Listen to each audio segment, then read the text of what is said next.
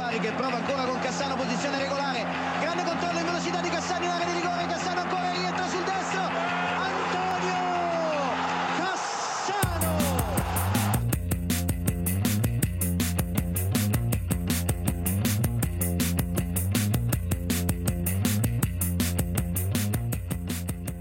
Giocate tranquilli, state Já, það er punktur og basta vikunar eins og, já, venjulega eftir umferði í ítalska boltanum. uh, Ég er náttúrulega ennþá á Ítalju eins og svona diggir hlustundu vita og, og Björn Már er reyndar á Íslandi núna.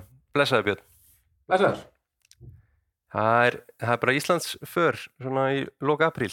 Já, ég átti hérna erindi í, um liðna helgi á Íslandi og ákvað, ákvaðum að gera ferður og, og vera hérna aðeins lengur og fá að njóta góða viðsins og, og fá að njóta eh, hérna, bestu deildarinnar. Ákvað að kíkja, á, kíkja okkar menn það, það var auðvitað derbi dela eh, hundur á basta. Eh, Já, það- er alveg leikur sko Ætlum við ekki að byrja að ræða þann leika eins? Jú, við þurfum eiginlega að ræða þann af því að ég er náttúrulega er hérna úti og á ég erfiðleik með að ná þessum leikjum sko, en sko ef, ef ég nefn eitt bestadeildin, þetta er bara breytast í serju A, þetta eru fullt endalist af mörgum og ég veit ekki hvað og hvað sko. Já, ég svona, ég veit ekki alveg hvað mér fyrstu það. Ég, ég hef svona, hef, hef, hef gaman á því að fara að góða varnarleik líka og finnst svona kannski mínu menn í stjórnunni hafa verið svona svolítið vel opnir uh, tilbaka. Já, En hérna, en það er þetta, þetta eru skemmtun og það voru mjög mörg, falleg mörg að það ger. Uh, mínu menn auðvitað hafa verið afleitir í fyrstu, fyrstu leikjunum og, og gaman að koma heim og ég mætti mynda á völdin í hálfleik þegar þínu menn voru þrjú tvei yfir og, og snýri genginu við með hérna, Kolbásveitin skoraði hérna einhver þrjú mörg á, á erfóa mínútum og, hérna, og þá síðasta markið þetta hans hérna, Adolfs chipan hérna, algjört bara úr, úr smiðju Francesco Totti Ajo þá- eins, og- eins og þau kalla það ég er samt ég er meira fyrir sendingun á hann sko. hún var Já, gull sko. hún var þetta, þetta var algjör bara heitur hnífur í smjördæmi sko. Joe Willock sending á það Já, einmitt. Þetta var, var gaman og fá sækja, sækja þrjú stík hérna og, og, og vonandi er þetta bara búið að kickstarta sömurinu fyrir mínum menn. Já, en hvað er Örvar Eggertsson, þú sást hann live núna er það ekki bara mesta svona valuable asset sem að Íslands liði er með í höndunum í dag eða? Ég segi það nú ekki alveg með, með svona ísakýrum minna vellinum en eh, hérna, sama velli, en hérna, ég, ég held að mikill, eh, mikill örfast ekkert maður sko. Það er þetta bara erfitt að vera það ekki með þetta síðahár, svona algjört bara að, veist, Já. ekkert eitthvað svona, engir stælar, bara, bara sítt hár og ekkert, og ekkert rugl með það. Nei, Og hérna, og, engin, engin hóland hnútur eða eitthvað svona gæft aðeins sko. Nei, sítt hár. já. Nei, mitt, og hérna bara alvöru, alvöru töffari og bara holningin á honum, meina, er hann ekki einhver, einhver úlingameistari í hástökki og eitthvað, ég meina, þú, þú, það er mjög erfitt að díla við, að díla við físikin í honum, þannig að ég er mjög hrifin á honum, en hérna, en ég, ég myndi frekar taka Ísak Andra alla daga, sko, skal ég alveg, alveg viðkjöna. Já, ég myndi ekki skipta Örvari út fyrir neittn í þessari deild sko. Það er bara þannig. Gæni, hvað, komið þrjú mörg? eða? Já, Alltaf störlað. Fyrir háká sko. þurfum við á honum að halda, þess að halda okkur uppi. Já, hva, hver er spáin þín fyrir svona stjórnuna núna ef að, svona, eftir fyrstu hvað, þrjáleikina? Mjög erfitt að spá í þetta sko, mér finnst ég ekkert einhvern veginn vera búið að finna taktinn eða, svona eitthvað líklegt hérna, svona til að stinga af, þannig að hérna, nema vikingar sem eru þetta bara með háaldra lið, þannig að eh, ég held að vikingar munu eða bara veita bl- blikunum samkeppni með þetta og, og svo verður stjarnan vonandi, það verður gaman að vera í barðallar um Europasæti, en, en það er kannski svolítið mikið að gera kröfu á að þeir, að þeir endi þar. Já. Já, þetta er, þetta hefur náttúrulega getað megin hann í gær allavega. Já, svona miðið við gangleiksins. Já, já, og hérna við sjáum hvað það spáum mikið einhver eftir eða hvort að, að hákáðingar ná að, að halda sér það væri, það væri ekkit mér að móti ef, að- ef falldraugurinn myndi, myndi fara sig, færa sig úr eh, efri byggðum Kópa og niður í neðri byggðir Það, það væri, það væri náttúrulega bara guðdónlegt sko. Það væri bara, við myndum enda fyrir ofan blíkana, það væri náttúrulega ekki vera sko. Nei. Uh, en að svona, hvað, Ítalíu bara. Uh, þá í í dag er sko frelsistagurinn hérna á Ítalíu. Og svona tákræð dagur 25. apríl 1945 þá er þá eh, unnu uppreisnamennir nastana og fastana hérna á Ítalíu. Þannig að það er haldið árlega upp á það og að það var sungið til um dagsins Bella Ciao, Já, það er bara uppreisnar þjóðsöngurinn Oh bella ciao, bella ciao, bella ciao, ciao, ciao. Partigiano, portami via.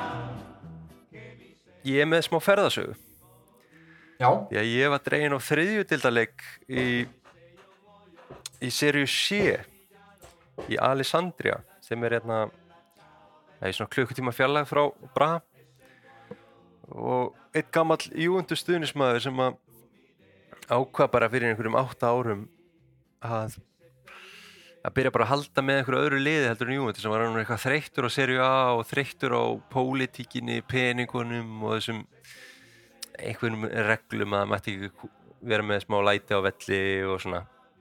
Þannig að hann og félagar hans fóru í, í smá bíltúr bara um héraðið og voru bara að leita bestu stemmingunni og, og settu stað í Alessandria þar sem að þeir mæta bara vikulega og styðja liðið.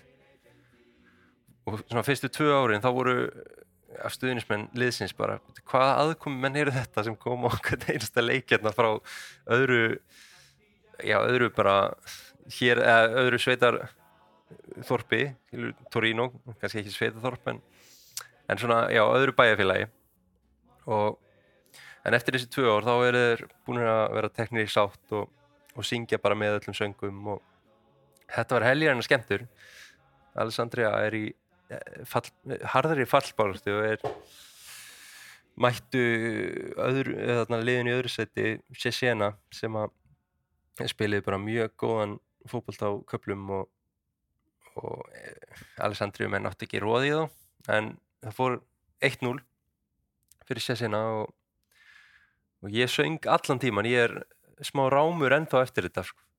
ég bara það, það, það var sko nýtt lag eftir nýtt lag eftir nýtt lag það var aldrei sama lagið sko. og gert, stóru flöggin og blísin og það var bara öll upplifun sko. og hvað, hvað fá menn sér að borða á svona fút í skrana hérna, í, í Alessandria? Herðu- Þetta var í Alessandria eða? Já, þetta var í Alessandriu það, sko við fórum á pizzastað fyrir leik þannig að ég kom, komst ekki í skranið sko. Já, en við fórum í í góðan bjór á vellinum sko. og eitt sem Alessandriu menn þurfa að taka til sín það er að eiga nógan bjór á vellinum sko. þeir, verða vist uppiskroppa með bjórin hvert einast skipti í háluleik sko. það er bara klárast bjórin og það er aldrei greinlega pantað eitthvað aðeins meira bjór sko. Mjög skrítið líðhelsu pærar að stýra Já. þessum klubbi eða? þetta er eitthvað, ég skildi ekki það voru alls konar nýðsöngar sungnir til uh, formans klubsins eða, eða fósetta klubsins fólki í kurfunni var ekki sátt með hann sko Nei. þannig að ég tók þátt í því náttúrulega ég bölvaði formann í Alessandria hann á sunnudaginn Já, hann átti að örgla skilið. Já, já. En já, þetta var, þetta var bara styrlu upplifun. Gæðu þetta að fara þarna. Tveir fyrir einn á miðunum og við tókum einhver smá hópferð þarna. Gekja. Mm, mæli með Þetta að var- fólk bara, ef það er í litlum bæjum á Ítalíu að, að reyna að koma sér á einhverja svona litla leiki. Já, þetta hefur er verið, hefur verið síðasta umferðin í, í setildinni. Það var einmitt að klárast núna. Við komum kannski betur að því á eftir. Því að hver veit nema að Íslandingar hafi komið við sögu þarna. Já, einmitt, það er enda rétt. Ef við kannski bara ja, færum okkur yfir í, í bara Íslendingana. Þetta var svolítið svona Íslendinga umferð hjá okkur á Ítalíu. Já, menn er að tala um það. Já, ég sá svo sem enga fyrirsagnir með það í ítalskum milunum, en, en hérna hjá Nei. okkur þá allan eru, þá eru fyrirsagnir þannig. Já, þetta var, þetta var hérna Íslandinga helgin mikla. Já, hvað þarna, Albert skoraði náttúrulega fyrir Genoa. Já, bara þeir eru farnir, að nálgast þetta ansi mikið. Þeir eru hérna í öðru seti og, og, og eftir Frosinone, Fabio Grosso og félugum og hérna og er bara líklega illa að fara upp. Þetta séu með 6 stega fórskott á, hérna, á, á klubbinu í þriða seti og og bara eins og ég líta vel út og ekki, ekkit, engin panik þar. Þeir tóku þarna, veitu hvað, hvað unnuður um helgina? Cittadella, já. Já, þannig að það er bara, þetta var svolít sigur 1-0 og, og sem segja, Albert nálgast serju A ófluga já, ég held að þetta sé bara skrifað í skíin, þeir eru ekki að fara að klúra þessu með 60 fórustu þegar þetta lítið er eftir sko. Það væri, það væri skandal fyrir Genoa einmitt. Eh, og sérstaklega af því að þeir, svona, það hefur verið svo mikil stígandi í leiknum þeirra bara á þessu ári sko. já, þeir voru alltaf sérstakir þarna fyrir áramót það verðist vera þeir, að þeir fara upp og, og, og sveitungar þeirra í, í Sampdoria að fara niður og hérna, Já. við bara sjáum hvað, hvað gerist hjá Albert í sumar hvort hann stekkur á önnu tilbúð eða hvort hann fer, fylgið þeim upp. Já, og Mikael Egil skoraði líka. Já, fyrir Venezia. fyrir Venezia, já, þeir unnu hérna, Ternana fjögur eitt á útivelli og, og Venezia, Mikael Egil kom til Venezia í janúar þegar félagið var í, í fallbaratu, harðri fallbaratu rétt fyrir hann fallseti eða, eða hann náðast í fallseti og hann Mhm. er bara búin að spila í alla leiki á miðunni og, og standa sig vel. Og þeir hafa svona snúi genginu við og, og hann skora hérna sitt fyrsta marka á Ítalíu eða sem, sem atvinnumæður held ég bara og hérna bara glæsilegt, hann stýrði hérna skoti utan að velli, stýrði því í markið af, af, af fákunnur snilt þannig að hérna gaman að sjá það. Já, þetta er og síðast en ekki síst þá Bjarki Steitt skoraði í, í sétildinni mitt. Já, það var held ég, það var annar, annar leikur í röð þar sem hann skorar.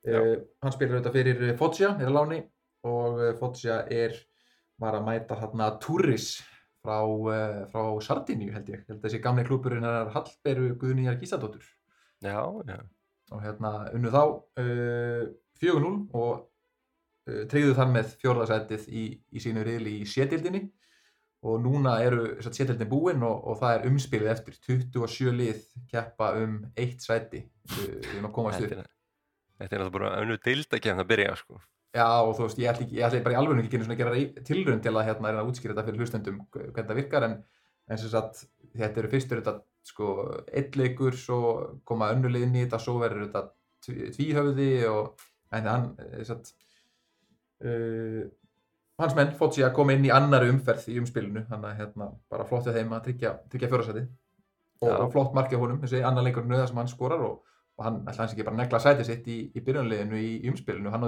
hefur áður spilað í umspili með Venezia úr B kom þeim upp í Adil þannig að hérna, Mhm. hann er, þetta er, þetta er maður stóruleikjana umspilsmaður. Já, já, líka gott hjá hann einhvern veginn að kveikja á sér svona í lók tímbilsins því að fólk man bara eftir hvernig þetta gekk í lókin sko. Já, algjörlega sko. Algjörlega. Það er bara það er vel gert hjá þeim. Um, síðan í já bara aðeins að aðdildinni þá er náttúrulega kannski stærsta málið er já er, er þessi ég veit ekki hvað hvað kalla, kalla þetta svona úr hvað kallar maður þetta? Úrfelling úr dómnum? Nei hvað, Ó, hvað, hvað, ógilding. Ógilding ó, ógilding á dómnum. Já, uh, júundisdómnum með þarna 15 stiga já bara fi- 15 stiga frádráttin. Það er, eh, það er komið 15 stiga aftur á, á döfluna hjá júundus sem voru dregin að þeim þarna í, í janúar. Og en það málin er náttúrulega ekkert lokið. Þá eftir að fara aftur fyrir dóm og, og þá sjáum við svona endanlega niðurstöðu. Það var svona eins og já þetta var gert að einhverju að hundavæði þessi, þessi dómur hann í janúar. Það var ekki nógu vel að þessu staðið sko. einmitt. Og það er svona talað um það núna einmitt, að þessi, þessi dómur er feltur úr, úr gildi og, og vísa aftur til nýra meðferðarvæntalega og það, það mun taka sinn tíma og þá eru svona það sem maður heyrir uh, sögursagnar eru að uh, júendismenn sé að vonast til að þessi frádráttur ef þeir fá frádrátt að hann komi þá ekki fyrir á næsta tímabili þannig að þeir geta kannski undibúið þá að sé aðeins betur og, og fái þá kannski jafnvel meistarðildasætið á, á næsta ári og allt svoleiði sko. Og hérna eh, á, me, á meðan sko deildin hefur sagt að hún vilji helst alveg saman hvernig máli fer að þessi frádráttur muni gilda á þessu tímabili. Þannig að það er svona það er auðvitað stóra málið svona hvort þetta verður á þessu tímabili eða næsta og náttúrulega best fyrir öll lið involved að vita það hvernig Já, það, það er það. við þetta. Það er náttúrulega það sem er svo styrlað er að það veit ekki hvað er að fara að gerast. Það veit sko AC Milan og Inter og Roma og Atalanta og, og Lazio sem er í þessari meistaradeldabaratu þeir vita ekkert hvort að Juventus sé að fara að fá þessa refsingu eða ekki. Juventus veit það ekki. Deildin veit það ekki heldur.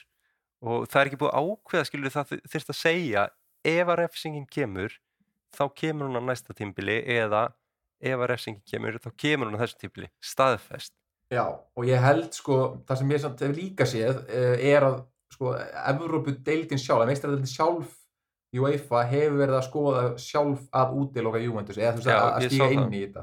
Þannig að það getur verið að þeir komi með einhver bara skilabúð eða fyrirmæli bara, herðu, þú veist, þetta mun gilda hér eða hér eða, eða þú veist, e- þeir mun náttúrulega kannski stíga inn í þetta líka að þeir náttúrulega vilja líka fá skýrleika í hvað með gerast þannig að svona, já, en, en þá verður það skrítið segjum þá að að Júfa segir bara heyrðu, Juventus á næst tímbili með er ekki taka þátt í mestratildinni út af þessu capital gains máli.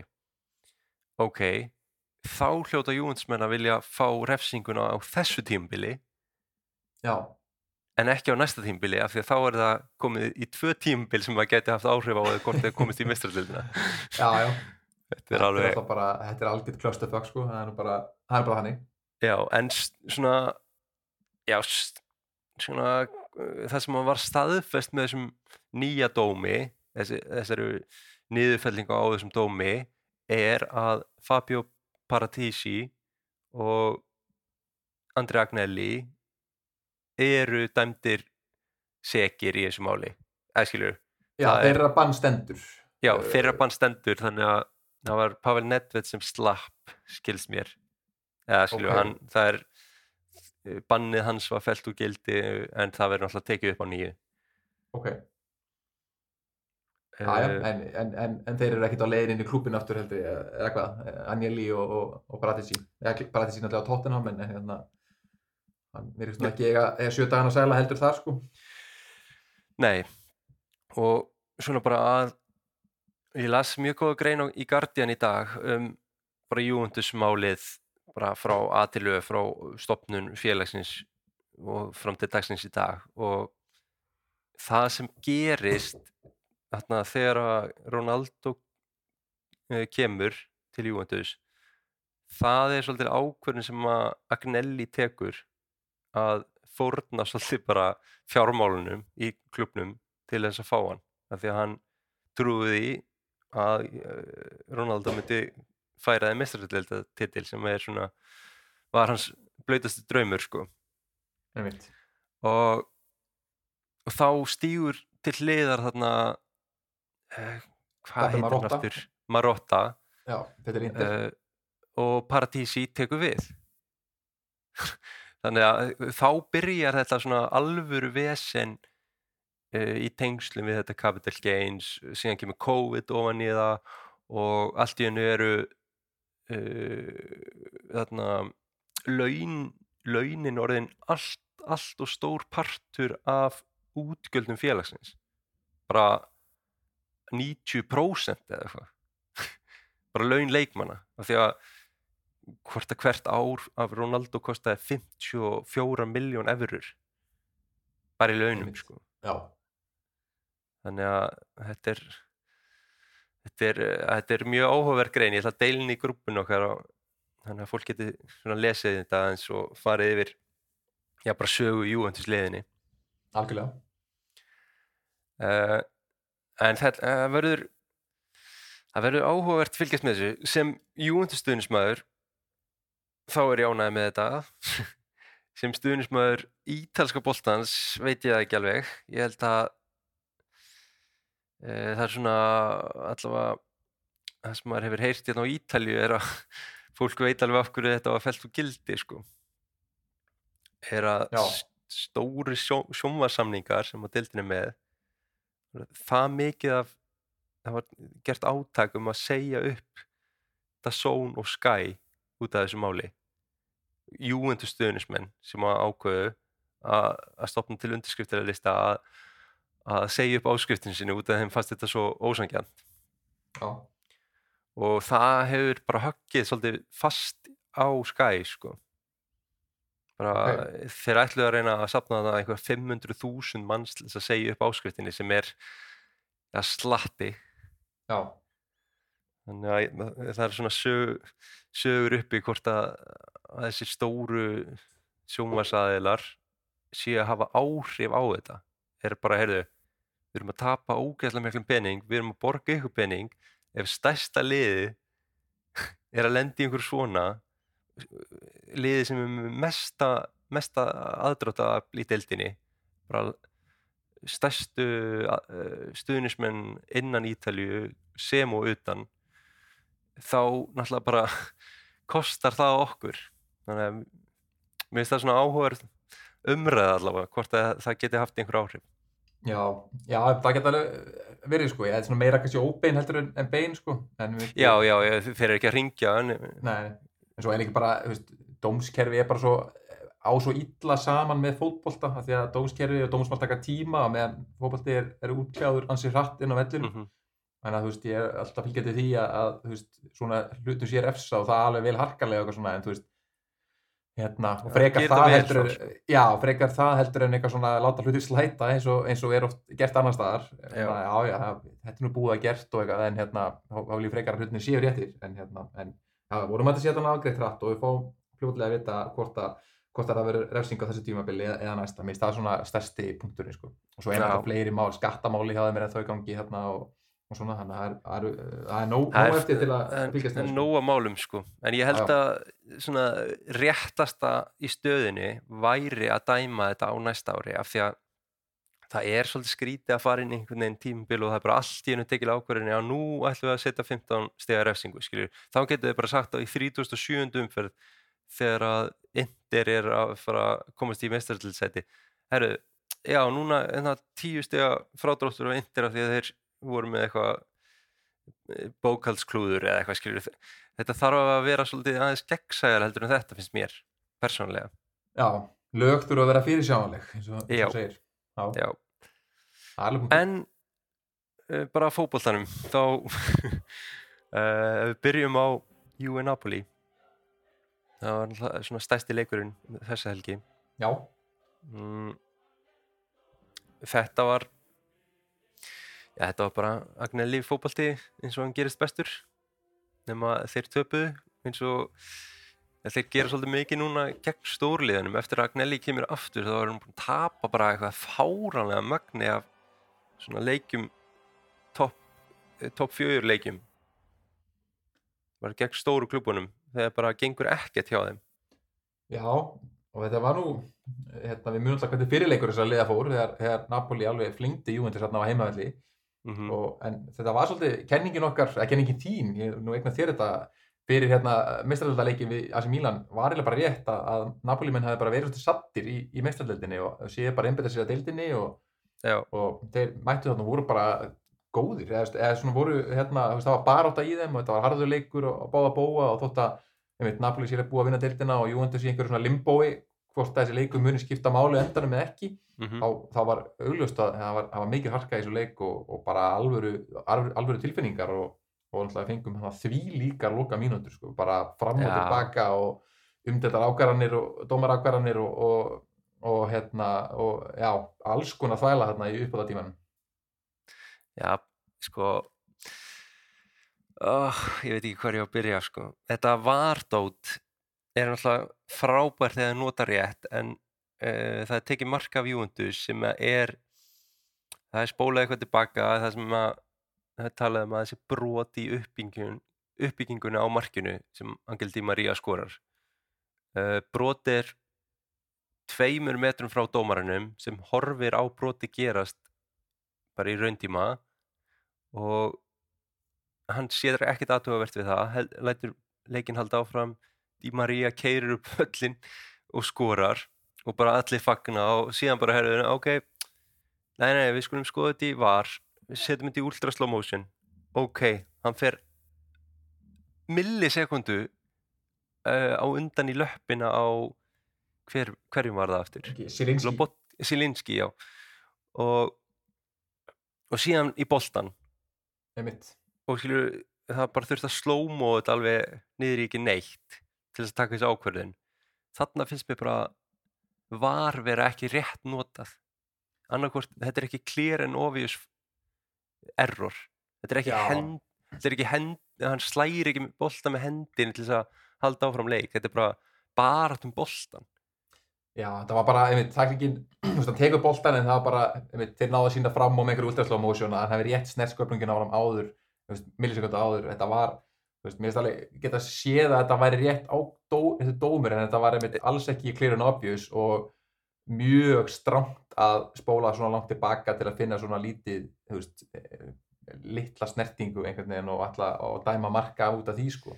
já, persónulega finnst mér það sko Já, og mér finnst bara þarna þarna finnst mér einhvern veginn var bara stundum uh, þetta er ástæða fyrir að fólk getur ekki fagnað sko.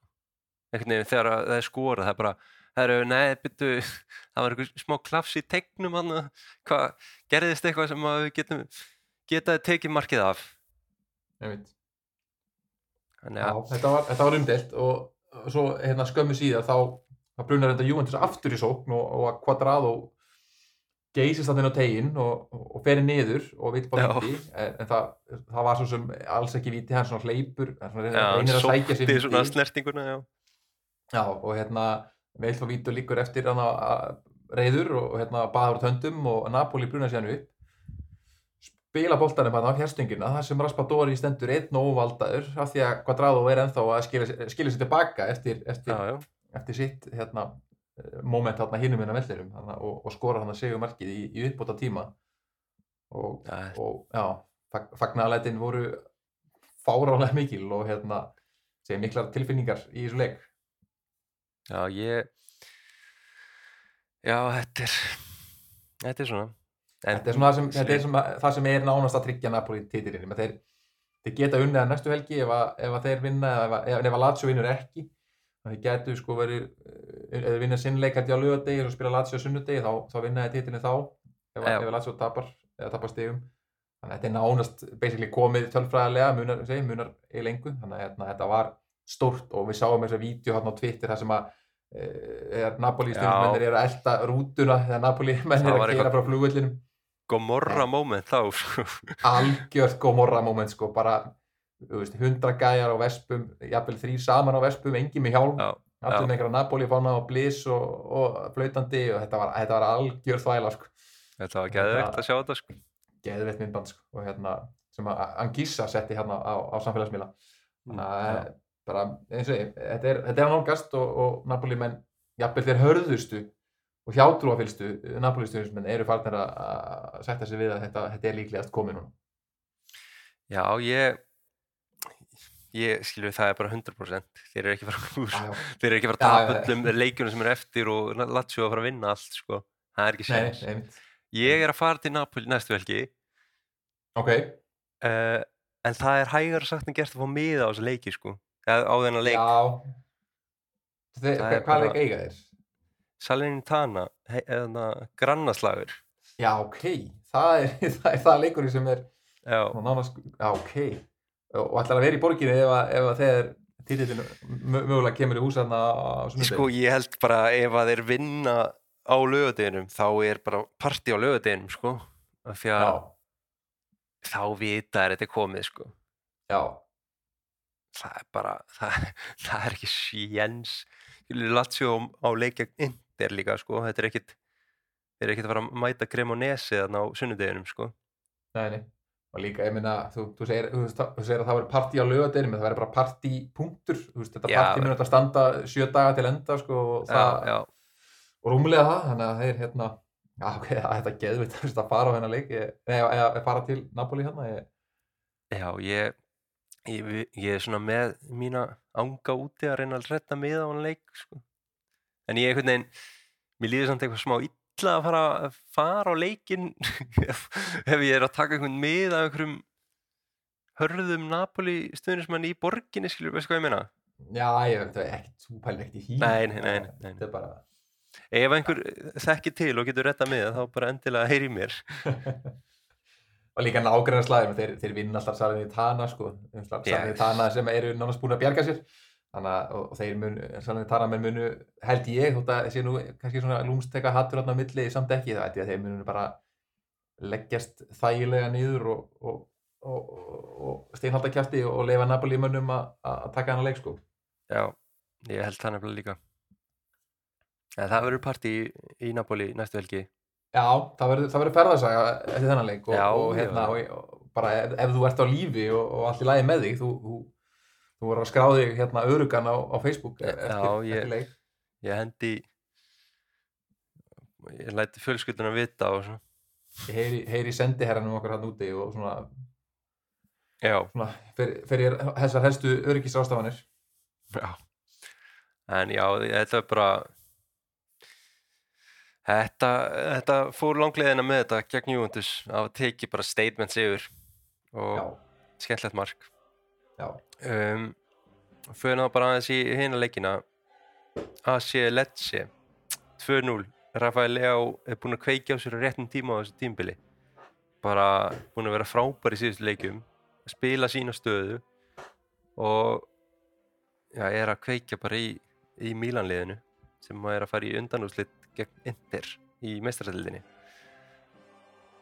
já talað um að toppar þessum tíma ég meina hann, á þessu tímabili hefur það verið hérna Gorat Skelja sem hefur verið að stela fyrirsögnum og, mm og verið með svona steady besti leikmaðurinn og, og svona en, og Lea Á hefur, veist, hann átti mjög svona kall, kallt tímabil þess að á tímabilinu svona eh, nokkra vikur að mánuði sem hann var svolítið kaldur og var ekkert að skora mikið. Ískaldur sko. Já, þeir, þeir fóru, fóru yfir þess að 3-5-2 taktíkar sem hann var einhvern veginn upp, upp á topp og átti að vera eitthvað að fá boltan í lappir og snúa og gæt það ekki og eitthvað.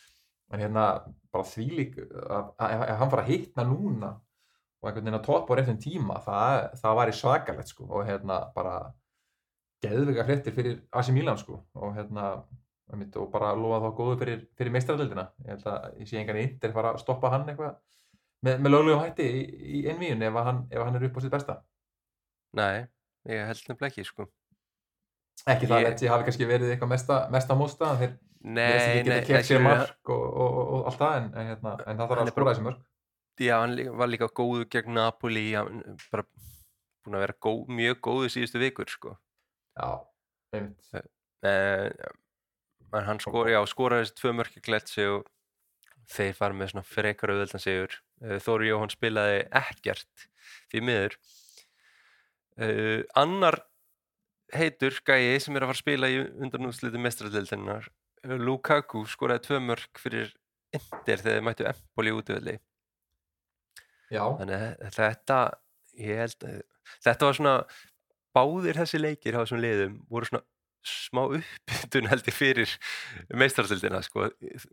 Nú þýðir einhvern veginn ekki alveg að bara hætta að hugsa um deildina og bara meistarastildina þegar þeir þurfa að vera á smá rönni held ég, sko, af því að það er alltaf gott þegar lið eru ég veit ekki, þegar svona sjálfströsti í liðinum er gott, við sjáum það bara með Napoli, skiljum, leið að þeir fá sjálfströst þá þá spila þeim miklu betur sko.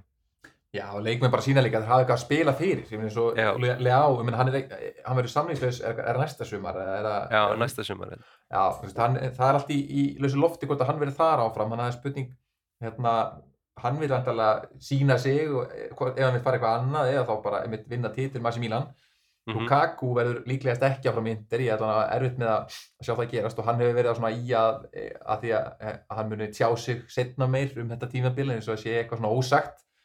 uh, hann er að hitta núna hann vil enda þetta á að menn, menn eru svona on a mission hérna í í Mílanaborg, bæði bláa og, og rauða hlutanum og, og hérna hana, og eru að hittna og þurfa að vera heitir í deildinu líka eða er að komast í, í mestrarhlutan aftur á næsta ári þannig að já, við erum bara að sjá bara tvö eh, lið í sjóðandi heiti í Európu þetta og, og bara tvo sjóðandi heita uh, framherja Menna, heldur að Lukaku sé að fara að starta þarna hjá, hjá Inter í, í, hérna undrastalegnum Eh, Já, ég held það sko Ég, að ég myndi gera það ef ég væri ef ég væri Insaki Já, ég held sé svona eina vonin sko, eða svona með eitthvað að sem er kannski aðeins heitari og, þau bara, svona verða bara, sko.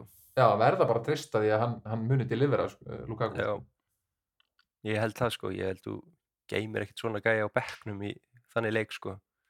Nei, líka bara uh, við sáum þetta AC Milan lið gegn Napoli hversu fáranlega þjættið þeir voru sko í þessum leikjum. Í þessum þremur leikjum gegn Napoli. Það sem skilur Ósi Menn spilar þarna setni leikin, hann var reyndar var ekki alveg í sínu besta formi. Uh, hvert skeli er bara haldið í skefjum. Já, og og en að hvað Politano Lozano og þessir gæjar átti ekki róð sko. Þannig að ég held að ég held að væri best að hafa Lukaku þarna frammi og, og Martínez með honum. Já. Til þess að ég breyk sko. held að það muni, muni vera þannig sko. Verða það með, eiga þá check á inni einhvers þar Já, það er bara klárt mál sko. Ég, ef við færum okkur bara örstutt yfir í hennan undan úrslita leik, uh, hvað, eða þessa leiki, hvað, hvað heldur þau að gerist? Sko ég, ég held að AC Milan sé muni taka þetta um, ég hef verið mjög hrifinn af Inter í Evrópu. Mér finnst það hafa verið mjög vel skipulaði þegar það verið allt þeir hafa ekki verið í deildinni. Já, og miðjan þeirra mjög skemmtileg. Við sáum Barella skoraði hvað, tvö þarna í einvíðinu gegn Porto. Var Mhm. stórkostlegur. Mkhitaryan er einhvern veginn Evrópa er hans heima völlur og hérna Já. Og, og Tjalanoglu þetta er búin að vera eitthvað mittur og þannig að þeir eru svona aðeins verið að rótira þar miðjustöðunni hann og spilaði Bros- gegn Empoli þannig að Já. hann er alltaf að komin, komin í það gang. er, enda, það er gott, ég meina Brozovic er náttúrulega búin að vera góður í Evrópu líka en ekki í dildinni þannig að ég er svona Inter er búin að vera skemmtilegir í Evrópu en ég held bara að sem Mílan, það er eitthvað momentum með þeim það er eitthvað saga hana í, í veggjónum og bara Já. með Lea og svona með vörnina eins solid og hún hefur verið þá bara, þá held ég að sem Mílan muni taka þetta inn við og, og Mike Mannian í markinu tala ekki um það það, það er bara það er bara svo mikilvægt að vera með jafnvel besta markmann í heimi í dag sko, í markinu. Bara no joke sko. og Það er, var ekki, það er ekki tekið af og nana ég meina þeir, þetta eru báðir frábæri markmenn og hérna, maður sá líka bara í þessu, þessum hérna, áttalega úrslutum í Európu liðin sem fóru áfram í nánast öllum, öllum tilfellum, tilfellum voru þetta liðin með betri markmann um, og það, þannig að maður sé svona hvað það skiptir líka máli í meistarleitinni í dag að, hérna, og, en veist, að þessum tveimur þá myndi ég segja að Manjan sé, sé betri en, en Onana átti líka stórkostlega leiki hérna gegn Porto þannig að þetta verður kannski svona markmanns innví og gæti náttúrulega enda bara í, í gana góða vítóinu verandi undanúrslega leikur myndi tvekja ítalska liða með sama heimaveld sko, þá sé maður alveg fyrir sér að það gæti orðið ansi fátaklegt eh, í markaskórum sko. Það verður svo störlu stemming þarna held ég sko. ég er bara vonu spenntur að sjá þetta sko. Já, ríkalega spenntur sko. einmitt, ja, þetta er, Ég má ekki segja svona persónlega ef ég ætti að velja lið til þess að vinna þá myndi ég velja uh, Asie af því að ég telli þá að eiga meiri möguleika gegn Real eða Manchester City líka Já, já, ég þó að sé, það verður fáránlega erfið leikur þá Já. held ég svona að bara með hvað séu þjætt vörnin hjá AC Milan er þá held ég að það sé svona líkillin að því við sáum skilju sjáum þetta Napoli-lið spilar svona ekkert ósvipaðan fótbolta og, og eins og Man City með skilju sprengju sprengkraftan fram á við og, og svona já, ég, ég veit ekki hvernig ég á að lýsa þið bara svona geta spila alls konar fótbolta, svona snöggan fótbolta og ég held einhvern veginn að AC Milan hendi þeim verð heldur en Inter sko. Já, með hvernig Asi hefur verið undanfarið þá er það sammála sko, en, ég meina Inter að sinn hátt líka tóku nú Barcelona út hann í rilinum og einhvern já. veginn Eh, og það er segla í þeim en, en ég held að bæði þessi lið munu gefa, gefa leiki í úrstæðarleiknum alveg, alveg sama hvort, hvort liðið það verður. Og þú veist, þetta er, þetta er, um, þetta er þú vilt ekki mæta Asi Milan með Inter í, í úrstæðarleik sko, þótt að hinn liðin séu sigur er líklegri þá þú veist, þetta er vel skipulega lið. Þau eru að fara að mæta þarna með algjörlega rétt hugafar búin að drilla Já. einhverja varnartaktík þarna alveg út í óendarlega sko, þetta verður ekkit hinn liðin er ekkit ekkit spennt að mæta þeim sko. Nei, ég held svona sko, AC Milan náttúrulega með risasögu í mestradildinni sem að hjálpa þeim líka. Það er bara það er bara fakt, það hjálpar alltaf að vera með reynsluna á baku sig í, í mestradildinni það er Já. bara, það sýnir sig einhvern veginn. Uh, hvað, vinna þetta síðast 2007 eða ekki? Jú, jú, Jú. og Inter hvað 2010 2010, Mourinho, Já. þannan þannig að þetta er liðalegi skilur sem að kunna að vinna þetta skilur uh, City ánall eftir að gera það Já. Real Madrid kann það svo sannarlega ég held að fyrir bara fyrir Asi og, og Inter að mæta City sé jáfnvel betra heldur en Real sko. Já, ok. Já, ég held það sko já, það er kannski rétt sko. Ég var ekki búin að pæla í því hvort, hvort, lið, hvort liði þau vilja sko. En jú, það er kannski meira þannig. Ég, meina, ég, þú bara sérðu hvernig Real Madrid fór með Liverpool skilur, Liverpool var ekki ve- verra lið heldur en City í þessum þessum úrslitaleikjum á sínum tíma skilur já, já, ég, ég er mjög hrifin af þessu realiði sko. Hef verið það mjög lengi og alltaf, Já. alltaf spáðum á, bara spáðum titlinum undanfæran há sko. já, En bara en sitt í litu mjög vel gegn, eh, gegn bæinn. Þannig að þetta er, það já en verður líka erfitt þú að sér líka lengi, bæjarnliðið er í algjörum ruggli sko þannig að Já, þetta, þetta verður já mjög áhugavert já. þessi góður. mm, höldum örlítið áfram með Serie A og færum okkur síðan yfir í Evropakeppninar hinnar Já, uh, af því að Lazio það, það, það sem gerði eða útslægið í þessari skudettopartu er að Lazio tapaði fyrir Torino 1-0 í ja, frekar umdeldum leik dómarinn sendur í frí eftir þessa umferð og já Lazio stuðnismennir voru ekki sáttir. Já, ég sá ekki hérna leik sjálfur sko, en ég myndi, ég heyrði, heyrði þetta verið, ég sá þetta að dómarinn hafi verið sendur hérna í, í kælingu, en Mhm. hérna, en, en Lazio eru svona, þessi, þeir eru ennþá, þetta var þetta bara út af bræðrana, uh, með Linkovic Savic bræðurnir, Sergei og, og hérna Vanja, Markur Torino, en, en já, Lazio er ennþá að niðursættinu og, og svona líta vel út bara fyrir mestarlita sæti. mm bara mjög vel út sko bara langt sér þeir hafa litið svona vel út í En, en ég, sko. ég, ég nenni samt ekki að fá þeir mistardildina sko, því að ég veit að þeir munu dett út í rílunum á næsta ári, þeir, þeir eru ekki að fara, þú veist, stækka sig, kaupa dýrari leikmenn, þeir munu Nei, bara, bara, eins og ég gerði síðast þegar ég fór í mistardild, bara mæta til leiks, tapa og, og, og þakka fyrir sig. Já, og halda áfram. Já, en já, maður kannski ekkert mikið meir um þennan leik.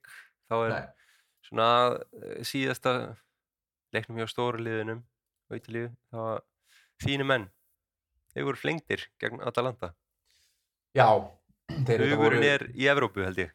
Já, þú veist, hann ætti nú kannski ekki að vera það og það sé svo sem miðin í meistardildina en þeir, uh, þeir eru bara með svo þun, þun, þunnan hóp og mikil meðsl Mhm. mm þeir sló út Feyenoord þarna fyrir vikunni eins og við komum inn á eftir og Dybala er á annari löppinni hann Já. byrjaði að bekknum, Pellegrini búin að vera meittur, Tami Abraham fór rakslalið spilaði, Óla Solbakken var eiginlega átt for season, fór rakslalið en hann var átt að spila hann að leik Vænaldum meittur uh, og fleiri og fleiri bara er, þeir, eru að- þeir eru að spila þetta á, á líin einni, það er bara nema ég Matit sem er að spila alla eiginlega og standa sér þetta mjög vel en hérna, já, þeir áttu bara ekkit bensín eftir og Atalanta vinnur hérna leik 3-1 uh, Róma að ninga mun hérna í 2-1 og Dybala kemur inn á en uh, síðan endar þetta bara því að hann er tæklegar út úr leiknum.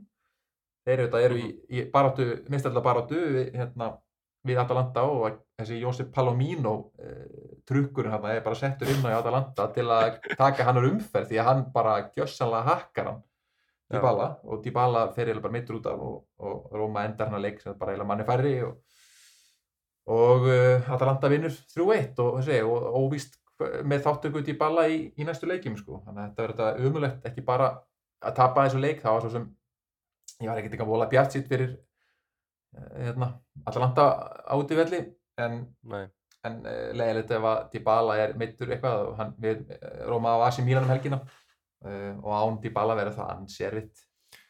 Já, talandi um Dybala sko, náttúrulega þessi leikur hjá í Evrópukeppni hjá Róma gegn Feyenoord þar sá maður hversu ógeðslega mikilvægur Dybala er. Það er bara ekkert eðlilegt sko. Hann er bara, hann er bara munurinn á, á hvort hann liði náða mestarlasætið ekki Eða, hérna, hann er þessi stjarnar í liðinu og segja, hann, hann byrjaði að bekknum og, og maður vissi að við ættum hann inni og svo lenda þær í einhverju basli og hann, hann settur inn á og, og ég með, maður leið bara, maður leið bara þannig, hann var alltaf að fara að skora og það mark líka er ekkert eðla flott sko. einhvern veginn notar hægri Mhm. fótinn sem hann er nú ekki þekktur fyrir að nota sem á okkur að geðveika móttöku og bara klínir honum einhvern veginn liggjandi í, upp í vingilin sko, og þeir fara sérna í, í hérna framlengingu og, og vinna þar. Já. þetta, þetta feinullið sem að ég vona Róma þurfi ekki að mæta á næstu árum þetta er alveg, alveg vel þreytt. Alltaf sama reyðrildi hérna í kringum þetta og, og þjálfarinn og sem að, var búinn að drulla svo mikið yfir Róma fyrir leikin og hann, var, hann vildi bara horfa á Napoli og Napoli og AC Milan spila hann hefði engan að horfa á þetta Róma lið þetta var, eh, en bara gaman að slá þetta feinullið út og, og, og við kannski förum í Európu þá er Róma komið undan úr slitt þarna í Europa League eh, Mhm. og mæti það Leverkusen og í hinum undanúrstaleiknum er það Juventus sem mætir hérna uh, Sevilla, eða ekki? Jú, það passar. Þannig að það gæti, gæti orðið alítalskur uh, úrslitaleikur í, í Það væri Evrópudeildinni. hrikalega áhugavert í, í Budapest, sko. Já, Það er bara ungverjaland, sko. Uh, ég, ég myndi vilja sjá Júve Róma í úrslitarleik, sko. já ég, ég líka sko e- og minna, Sevilla, ég, svo, ég held að Þú Róma vilt taki ekki. Sevilla í úrslitaleik í Nei, sko. ég alls ekki sko, þú veist, og ég, held að Róma taki Leverkusen, ég held að þeir mun hendi Róma ágætlega einhvern veginn uh, þegar voru Leverkusen fekk ansi auðvelda umferð uh, síðast sýnist mér mhm, svona leiðin sem þeirra var slegið út til að komast nokkað þannig að ég held að það var ekki ekki að, að, að hérna, slá það út að fá Júve í úsleiknum en, en eins og það Júve Já, býður að vegum verkefni. Sevilla, sko. Þannig að það er heldur ekkert gefins. Og sko við sáum um helgina sko Juventus var með varlið eða gegn Napoli sko eða svona hálgert varlið Rugani var í vörninu ótrúlegt hann satt. Uh, Mattias Súle var á, á miðjunni þannig var svona já, skipti stundum við Miretti um að vera bak við Mílik hann eða, eða Miretti uh, Mílik frammi Gatti í vörninni sem reyndar er búin að vera einn mikilvægstu leikmaður bara í síðustu leikum já, þannig að ég held að fókusun hjá Allegri sé að vinna þessa Evropu-keppni af því að hann veit ekki hvernig deildi, hvað, hvað gerist í deildinni, hvort þeir fái mínustígin, skilur við 15 já, já, uh, ef þeir vinna Evropu-deildina þá ættu þeir að fá meistaradeildsæti það kemur síðan í ljós hvort að Júfa gerir eitthvað í því eða ekki uh, en og líka bara ég það er bara að vinna titil skiptir meira máli heldur en eitthvað sæti sko. Já, já, ég held að, mynd, ég held að bara horrið, ég er ekki búin að pæla í því þannig sko, en þetta, getur verið bara eina sem að Júi hefur að spila fyrir þannig sé sko, miklu mm áhugaverðar að vinna þetta. Þannig að já, það er bara sé ágætis líkur að við fáum á Róma Júve í júsliðarleik í, í þessari Europakefni og, og svo er, eru þetta eh, svo við förum við síðasta liði í Europa líka þá er Fiorentina, þeir, þeir sló út uh, Lech Poznan uh, Íslands vinnina Lech Poznan uh, uh, í hérna konferensstildinni og eru þar komnir í undanúslit uh, Fiorentina þetta vann fyrirleikin 4-1 en þeir voru næstuði búin að klúðra því því að þeir ég horfði á setnileikin og þeir lendu 3-0 undir. Bara mistu niður allt fórskotið og maður hugsaði shit, þetta er nú nú meiri þælalmaður en hérna en þá einhvern veginn settur aðeins í annan gýr og, og sko, enna Ricardo Sotil skoraði hérna fljótlega eftir það og, og veist, mm. -hmm. Fiorentina er miklu betra lið sko, það var nú, það var ansi klauðalegt og, og svona já, dómingjöflan kannski eins og, eins og hún var en hérna, en eh, bara vel gett hjá þeim að klára þetta, þetta var karakter að- að koma tilbaka eftir að hafa fengið 3-0 á grímuna og, og Já, allt s- gegnvel. vel stressandi sko vel stressandi sko á heimavelli sko bara, er að grínast en svo, svo skoruðu þeir aftur upp á tíma hann er unnu hann endanum með set, með tveimur, tveimur mörgum að hérna, já, 6-4 í heild. Já, Mm, Já, ég ég hef góða tilfinningu fyrir Fiorentina, þeir mæta Basel í, í konferens. Já, það sem ég Basel sló út nýs að mér minnir. Já, ég, ég held skilju Fiorentina hefur enga keppa í deildinni þeir komast hvorki löndneströnd þeir eru einhvers staðar í kringum tíundasæti ég man nú ekki nákvæmlega hvað þeir eru. Já, einmitt. Hvort sé ekki bara í tíunda. Já, Eh, tíundu elda. og þetta er náttúrulega bara auðveld leiðin í Evrópadeildina fyrir þá vinna, eða skilur ekki auðveld en þetta er svona ein- einfaldasta leiðin fyrir þá þangað. Já, og þeir, þeir eru líka konur áfram í byggandum eða Cremonese í held ég setni leiki byggarnum í núna bara á morgun eða eitthvað Mhm. þannig að hérna, þeir, þetta er byggarlið komið langt í byggar og, og, og Evrópu og bara segi, skemmtilegt að, sjá þá vera svona berjast um ykkur að titla og fá smá hitta hérna í, til Flórens það var, var góð mæting á hann að legg postnarleik þótt að þeir væru eiginlega búinir að vinna hérna eins og fjögur eitt á útivelli og, og ekkit mikið að spila fyrir heimavelli hérna en e, það var fín mæting og góð stemning hérna og mikill stuðningur og svona þannig að það er, það er greinlega einhver uppsöflaði í gangi hérna og, og menn, menn sáttir og svo eru þeir auðvitað að fara að yfirgefa heimavelli sinn tímabundu eftir tímabili þannig að þeir vilja kannski taka vel. núna á heimavelli og eru hvað að fara að mæta býtum nú við hvernig var þetta aftur þeir eru náttúrulega ennþá í, í byggakefninni Já, þeir mæta þar. Já, og getu enda þá í úslita leikja ja, Juventus. Já, alltaf eru þeir mættir þess já, já. Það, þýðir ekkert annað uh, ég svona fór eitthvað að pæla í því að við töluðum um þetta þarna um daginn skilju, hvað gerist ef að uh, segjum að Inter vinni mistarsildina uh, Juve eða Róma vinni Evrópukefnina og bæði þessi lið eru ekki í topp fjórum. Já, þá hlýtur fjóraðasæti að detta út sem mestartilsæti já, það er, sko, ég, er- ég, ég las um daginn og en mér minnir að það sé þannig. Fjórðasætið er það sem því verður fórnað. Já af því að það mega bara max 5 lið komum frá hverju landi. Já, það er bara þannig. Það er staðan. Og, og þe- þetta er sko lengri kapall af því að Fiorentina getur henni Evrópukefna nei, þarna Conference League sambandsdeildina Já, sem hefur áhrif á Evrópu deildarsæti þannig að þetta er alveg svona sem að hefur þá væntalega einhver er Koppa Italia, er það ekki neitt þú ferð ekki neitt fyrir það eða Nei, er það? Ég, mér minnir ekki. Ég er ekki að hundra á því, en ég, mér minnir ekki, sko. Cremonese í Evrópu, ég bara guð hjálpa okkur, sko. það væri reyndar það væri alveg bíó sko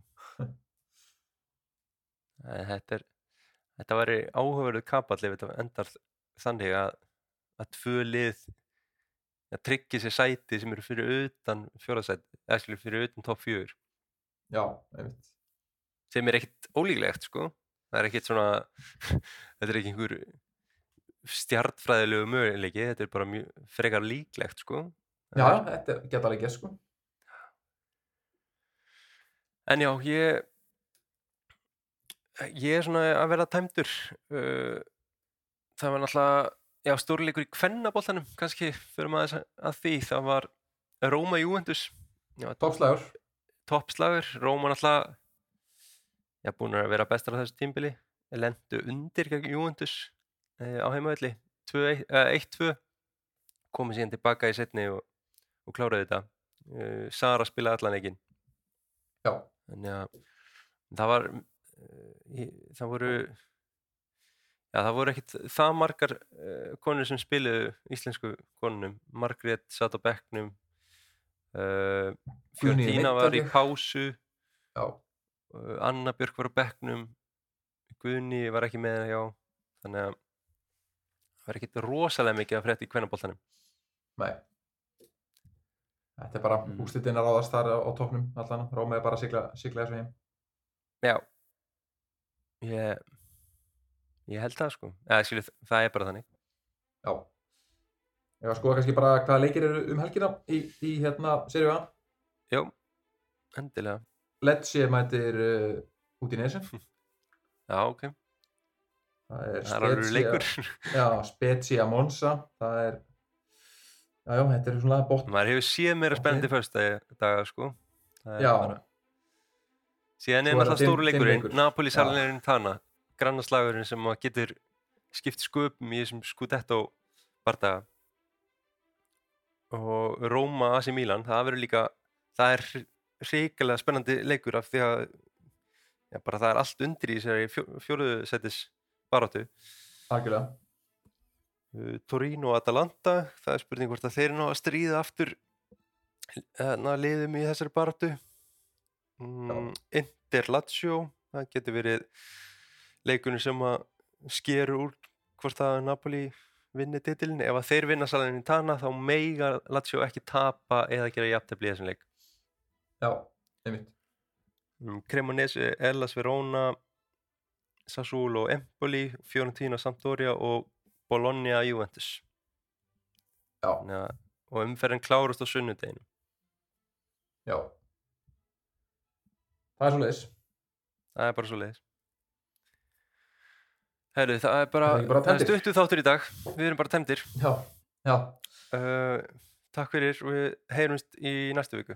Væntalega ekki fyrir en annan mæ það er frídagur verskalýsins og ég neita að vinna fyrsta mæ Já, ég tek upp minn hluta þá, þannig að þú, þú klippir þessu síðan bara saman.